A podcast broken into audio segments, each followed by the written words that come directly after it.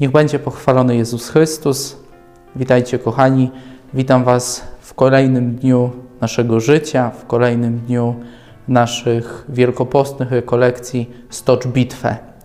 Dzisiaj zapraszam Was do tego, abyśmy pochylili się nad tym, jak podchodzimy do naszego życia. Często chcielibyśmy, aby nasze życie było wygodne, żeby było y, pełne atrakcji, żeby nie było w nim zmartwień. Chcielibyśmy, żeby to, co nas spotyka, niosło nam radość, a nie cierpienie. Ale każdy, kto przeżył chociażby jeden dzień na Ziemi, wie, że tak nie jest, że nie tak wygląda nasze życie, że przeplatają w nim się chwile radosne i smutne, te podczas których możemy się cieszyć, podczas których odnosimy sukcesy, ale są takie, które wywołują smutek, łzy, na które po prostu się nie godzimy. I co wtedy? Chciałbym, żebyśmy dzisiaj złapali właściwą perspektywę na nasze życie, a pomoże nam w tym Słowo Boże. Zechciejmy teraz wspólnie wysłuchać fragmentu Ewangelii według świętego Mateusza. Gdy wszedł do łodzi, poszli za nim jego uczniowie. A oto zerwała się wielka burza na jeziorze, tak że fale zalewały łódź. On zaś spał. Wtedy przystąpili do niego i obudzili go, mówiąc: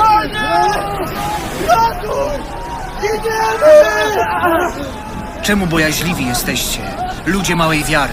Potem, powstawszy, zgromił wichry i jezioro, i nastała głęboka cisza. A ludzie pytali zdumieni: Kimże on jest, że nawet wichry i jezioro są mu posłuszne. W tym fragmencie Jezus, jak dla mnie, zachowuje się bardzo dziwnie, dlatego że wokół szaleje burza, a on śpi. Jest takim bohaterem tej sceny, który wydawałoby się, że nie jest zainteresowany tym, co się dzieje. Zobaczcie, że uczniowie to byli rybacy. Oni bardzo dobrze rozumieli, co się dzieje. Byli świadomi, jak wielkie jest zagrożenie. Oni, którzy pracowali na morzu, oni, którzy na nim się wychowali, wiedzieli, że za chwilę może nastąpić koniec ich życia. I to dlatego wołają do Jezusa o pomoc, żeby On ich ratował. On był jakby ich ostatnią deską ratunku. I rzeczywiście zostają wysłuchani.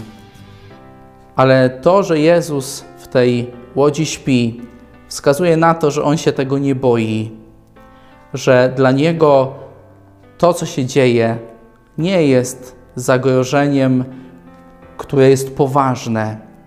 To tylko uczniowie widzą ten stan, w którym się znajdują teraz, jako bardzo poważny, a nawet zagrażający ich życiu. I podobnie jest z nami.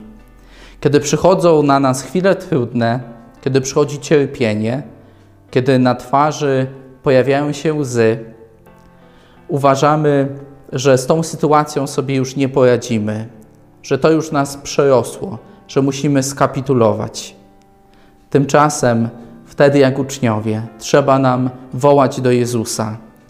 Jezus chce uczniów czegoś bardzo ważnego nauczyć. Chce mnie i Ciebie czegoś bardzo ważnego nauczyć.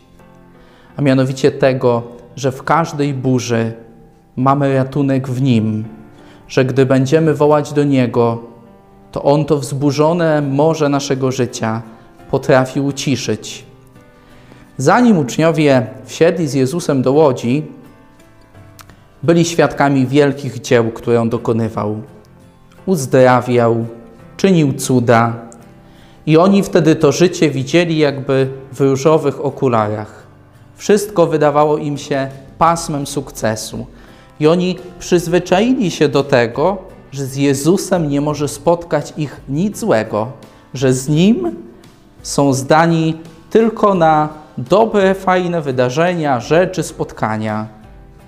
Tymczasem Jezus uczy ich czegoś zupełnie innego.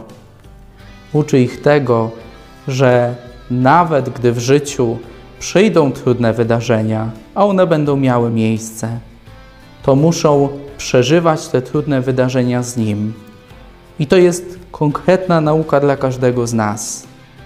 Kiedy w naszym życiu wszystko dzieje się tak, jakbyśmy tego chcieli, przeżywajmy to z Jezusem. Ale kiedy w naszym życiu nie dzieje się tak, jak sobie to wymyśliliśmy, wyobraziliśmy, też przeżywajmy to z Jezusem.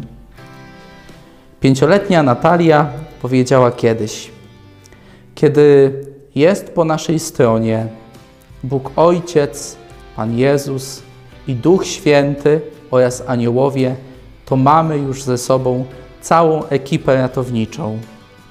Dlatego nie bój się, kiedy przyjdzie Ci w swoim życiu stoczyć jakąś walkę, może bitwę na morzu. Nie bój się, kiedy problemy będą wlewać się do łodzi Twojego życia. Ty zawierz Jezusowi i do Niego wołaj.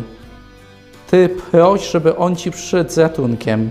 Nie pozostanie obojętny, bo jesteś dla Niego ważny.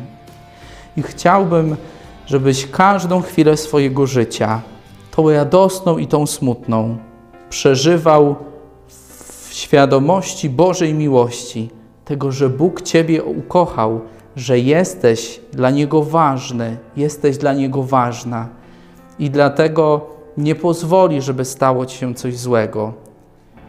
Jemu zaufaj i patrz na życie w okularach miłości, nie tych różowych, które wszystko idealizują, nie w tych czarnych, które powodują to, że nie widzisz w swoim życiu nic dobrego, a to zło, które cię spotyka, wydaje ci się nie do przejścia.